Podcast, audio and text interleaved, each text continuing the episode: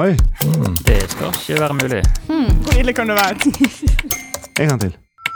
Og der er en ny episode av Jøss Interrobang i gang. Opptaket ruller, og ved siden av eh, meg sitter eh, Ola Helland, som er tilbake. Hei, hei. Hei. Raring fra Stavanger som designer ting i Lærdal Medical og interesserer deg for mye rart. Ja, det syns jeg er passende. I Oslo for å kanskje lage musikk for døtrene dine. Ja, riktig. Ja, Som en liten sidegig. Side sidegig, ja. Eh, og Anita Eriksen, eh, kommende apedoktor, kanskje. Ja, Eh, allerede primatolog. allerede primatolog. Jobber med apekattene som eh, mange besøker og blir kjent med i Dyreparken eh, hver sommer. Eh, men også i Sabima. Og snuser på og kanskje ta en doktorgrad og bli litt bedre kjent med apekatter. Ja, I Stemmer. utlandet. stemmer. Ja, i, Ikke disse norske Og da blir du apedoktor. Da blir jeg apedoktor. Det, ikke er det som er motivasjonen. det er ikke en etablert tittel, men den kan du bare claime. Ja, det tenker jeg. Det syns jeg også. Hva, I Jøss så, så tar vi jo med det rareste vi vet om. Prøver å kile folk litt i, i nysgjerrigheten. Så hva har dere tatt med for noe rart uh, inn i øregangene og hjernene til folk i dag? Ja, jeg har med eh, historien om Space Shuttle, som var denne tok mennesker opp og ned verdensrommet. Bussen opp til verdensrommet. egentlig. romferje? Ja. Ja, romferjene. Eh, som var menneskets mest eh, avanserte transportform, egentlig. Eh, den var designet ut ifra bredden til to hesterumper fra Romerriket. To spesifikke hesterumper. ja, det var jo egentlig det, da. sånn helt originalt. Kjente allerede. Ja, ja. Kjente allerede. Ja, ja, ja, det. Gøy. Hva med deg, Anita? Uh, ja, jeg tenkte Dette er litt sånn uh, nyoppdaget eh, kunnskap. Uh, selverfart av, av å jobbe med da, aper i Dyreparken i Kristiansand. Og det kombinerer også min nåværende utdannelse med min tidligere utdannelse som frisør. Eh, så jeg skal om hva ja, jeg skal snakke om hårmotepreferanser hos gibbonaper. Gøy. Gøy. Går de til frisøren? Om jeg går til Nei, ikke du. Nei. Ap apene, altså. I, eh, aper i, i fangenskap da, som lever i en park. Eh, nei. Nei. Eh, nå ble jeg satt ut, for jeg har jo egentlig planlagt noe selv. Men her var det mye info på en gang. Jeg tenkte jeg skulle fortelle dere om verdens viktigste Lego-byggverk. Ja. Viktigste. Ja. Ja. Eh, den er ansvarlig for ganske mye av det moderne samfunnet. vil jeg si. Kanskje også hvordan du som lytter til denne podkasten oppdaget eh, oss, eller fant oss. Ansvarlig for hvordan jeg oppdaget deg, eh, Ola, en gang jeg, sist jeg spurte om du ville være med. Mm, ja. ja, Og hvordan jeg eh, researchet din eh, bakgrunn, Anita, også. Dette legobygget? Ja. Ok, ok, ok. ok, ok. Vanskelig å la den henge, merker jeg. Ja, Ja, jeg også, ja. Det er bare fordi jeg, fortal- det er bare fordi jeg Det så det du du sist, tror jeg. sist. Ja, det er det, ja. Vi kan jo også begynne med hesterumper i Ja. ja. Kjør hesterumper. Ja. Denne innsalget er jo litt tabloid, og den er sannhet med modifikasjoner. Men denne romferjen den eh, la ned i 2011. Og den besto selvfølgelig av mange deler. Eh, og En av delene som fikk den til å gå oppover, eh, Solid Rocket Boosters, de ble lagd i Utah. Og de var enormt store og enormt tunge. Altfor tunge til å kunne transporteres med fly. eh, Heller ikke med lastebil. Og Utah ligger midt i USA, så det er ingen sjøvei ut derfra. Så disse delene måtte fraktes med tog. Eh, og dermed måtte rakettene designes for å kunne fraktes med tog. For å få de bort dit de skal skytes opp. Og Toglinjer de har jo lastprofiler for vekt og størrelse, for hvor mye de kan tåle. Eh, og Det er jo basert på um, hvordan vognen sitter på skinnene. Og Da må vi se på togskinner. Og de er 1,435 meter brede. Eller 4 fot 8,5 tom ingen runde tall. Disse tallene virker så helt tilfeldige, merkelige tall. Og hvorfor er de det? Eh, jo, USA hadde en gang to togsystemer. Ett i nord, ett i sør. Så kom den amerikanske borgerkrigen i 1860-årene. Og det avgjorde en fellesstandard når nord vant, og nord var basert på den britiske standarden. Eh, Og Det surrer faktisk flere teorier da, om at sørstatene tapte den krigen eh, mye pga. det dårlige togsystemet de hadde. Det var tregt, og det var ikke standardisert. De hadde ulike bredder, så de kunne ikke kjapt flytte rundt på mannskap og maskiner. Og dermed tapte de i krigen. Og Nord vant, og Nord var basert på den britiske standarden. Så da må vi gå til England. Og i England de begynte for alvor å bruke den moderne togteknologien på tidlig 1800-tallet. Og når de gjorde det, så gjorde de det som mennesker er best på. De var litt late. Eh, så de tok utgangspunkt i hest og kjerre. Det blir kalt jernhesten, dette toget. Eh, Da antok de at romerne de var veldig gode på infrastruktur. eh, Brukte hest og kjerre til alt. De hadde gjort en grundig jobb, så de målte opp avstanden mellom sporene i steinen i inngangsportene til romerske byer. Fant jo at de hadde samme bredde overalt. Da må jo det være en veldig god bredde å ha, så da tar de bare den, da. Eh, og Romerne de hadde da en standard for hestestridsvognene sine, altså chariots, som det het. Eh, og det var at det skulle være plass til to stridshester. Så brede skal de være. da. Eh, og hestene er bredest rundt rumpa. Eh, Så bredden på togskinnene er dermed basert på to hesterumper som står ved siden av hverandre fra romertiden. Eh, Så det går an å trekke en, riktignok en litt tynn tråd fra romerske hesterumper fram til romferjen som tok oss opp i verdensrommet. Det er veldig, veldig gøy. Så hvis du skal bygge rom, eh, bygge noe til rom, så må du gå opp til rumpene i Roma. Oi. Oi, ja Det var ja. Romerriket til verdens Romerike, ja. Ja, ja. Mm, fra Romerike. Fra rom til rommet. Mm. Gøy! Og veldig Det er gøy når, når ting strekker seg over mange Ja, byråkratiet varer evig, liksom. Det, det, det, det, men, det, på en det, ting. men eh, for deg som designer, det viser jo også hvordan vi designer eh, nye ting basert på det vi har med oss fra før. Vi tenker, tenker med på- utgangspunkt i det vi har. Ja. Ja. ja. Så mye fint. Det er jo evolusjon. Ting eh, bygger seg gradvis bedre. Det er bare veldig lange linjer her, da. Veldig lange jernbanelinjer. Hvor vil du nå? Eh, Videre, i hvert fall. Ja, skal vi ta hårmoter? Eh, ja, så uh, jeg jobber da som eh, dyrepasser for uh, gibbonaper. Og gibbon er en menneskeape. De har ikke hale, roterende skuldre. Klassiske trekk for menneskeaper. Det visste jeg selvfølgelig. Det visste du selvfølgelig. Ja, ja. Så ingen av menneskeapene har, har hale. Eh, eh, utrolig spennende art. De danner par for livet. Og så, eh, når de Det er ikke en av de kriteriene er for å skal nei, det er ikke kriteriene for menneskapet. Det er eh, ganske unikt, egentlig, dette monogame sosialstrukturen. Eh, Men eh, de danner av disse parene, og så lager de seg imellom en unik sang som bare de to kan, og bare de to synger. Oi! Så hvis dere er i Dyreparken på morgenen eller hører en sånn sang som ikke dere helt kjenner igjen, så er det som regel gibbonapene, da. Um, og så, jo, men um, uh, hunden er alltid blond, hannen er sort. Og når de får barn, så er uh, ungene lyse. Alle er lyse.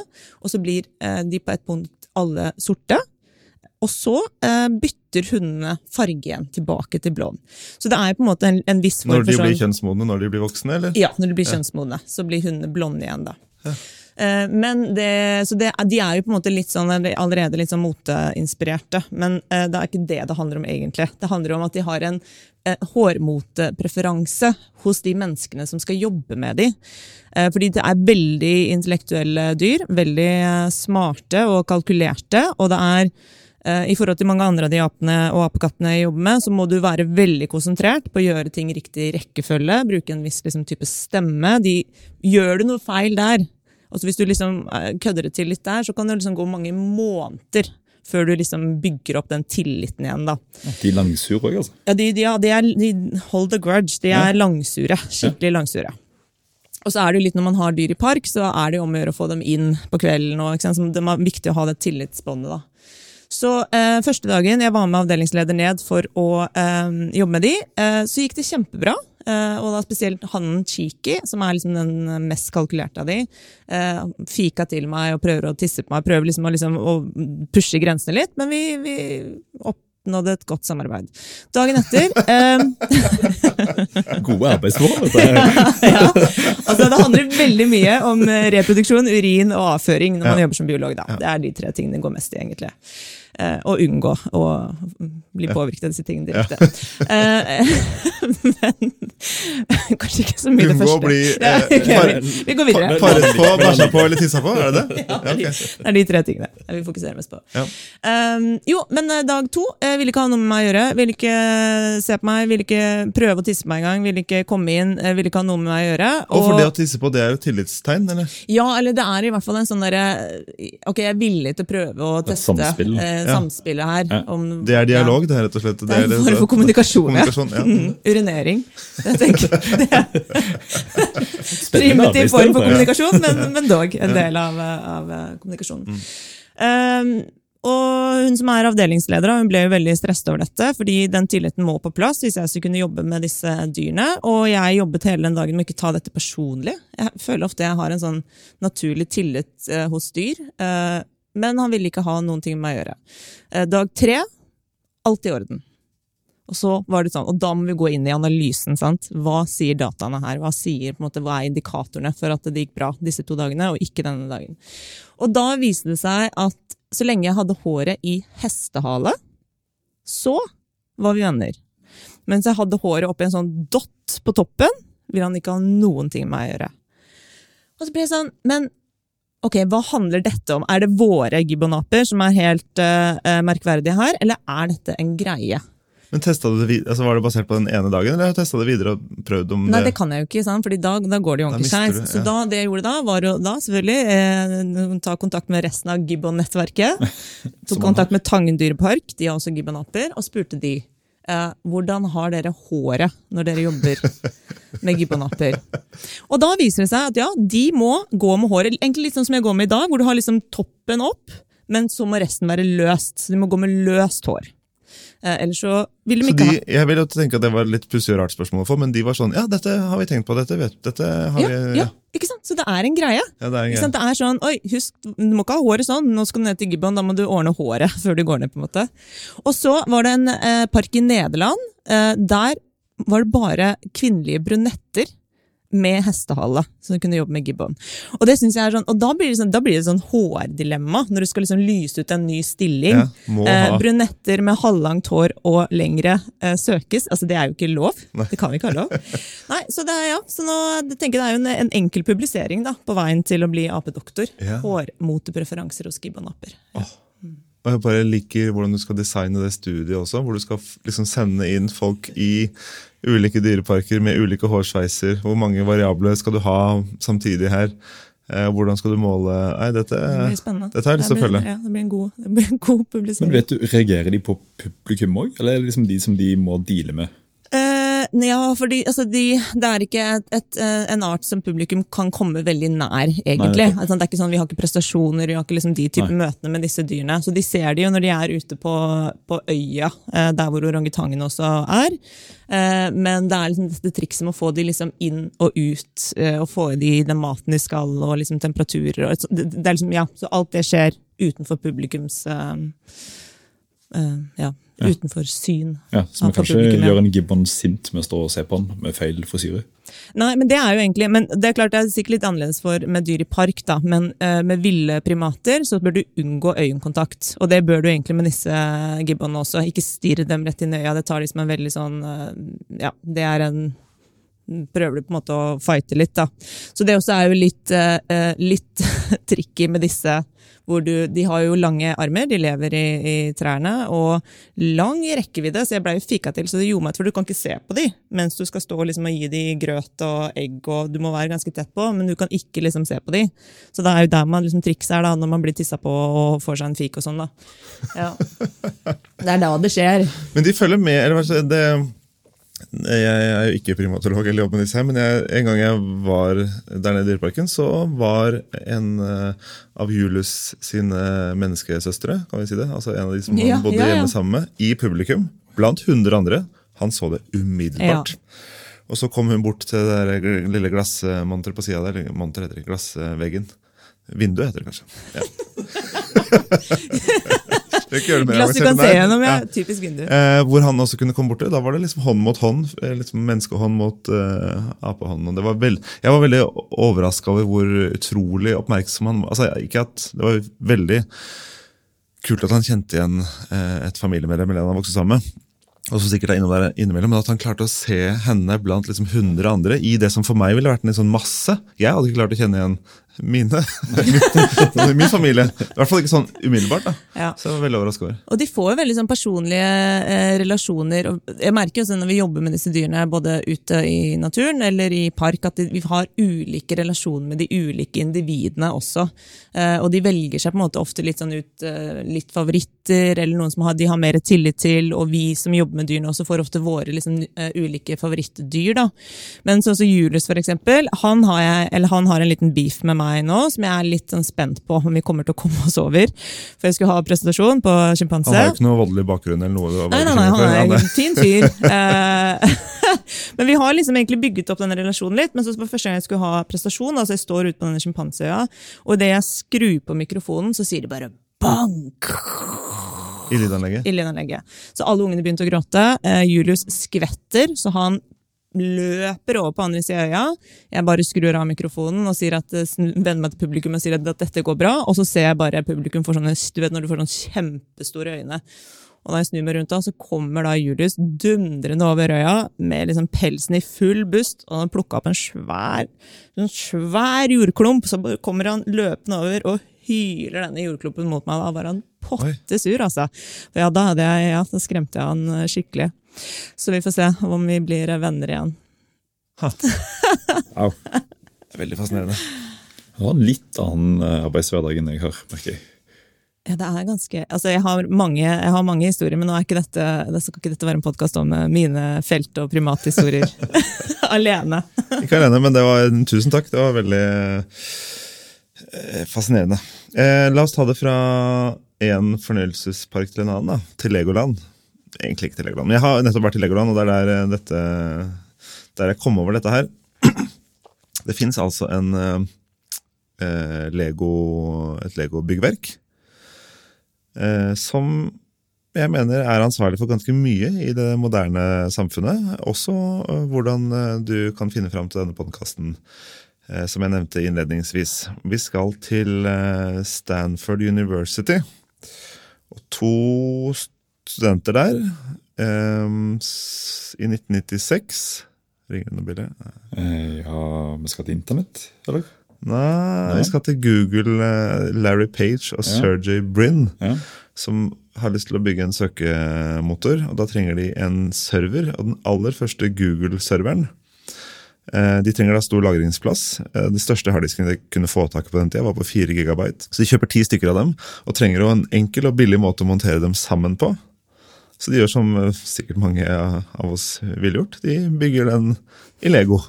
Eh, Lego riktignok med noen sånne plast... Eh, noen sånne plastskiver på, på sidene. Eh, men mest, eh, først og fremst av, eh, av Lego. Og, og Google-serveren står fortsatt på Stanford eh, University, så man kan gå og se på den.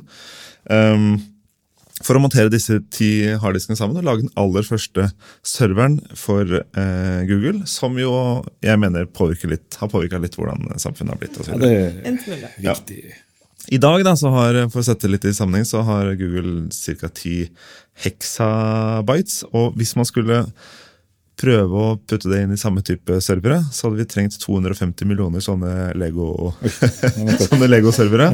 og så begynte jeg å tenke hva, em, hvor, hvor mye av Legoen i verden ville det vært? da? Ja, det, eh, et av tallene i hvert fall som jeg har funnet, da, er at man estimerer ca. 400 milliarder Lego-brikker i verden. Det betyr i hvert fall 50 til hver av oss som lever på denne planeten. Eh, og for å bygge da Google med disse gamle serverne, så ville du trengt en, en, en betydelig del. Jeg klarte ikke å telle hvor mange brikker som skulle til, eller hvor mange de brikker de hadde brukt for å bygge akkurat her.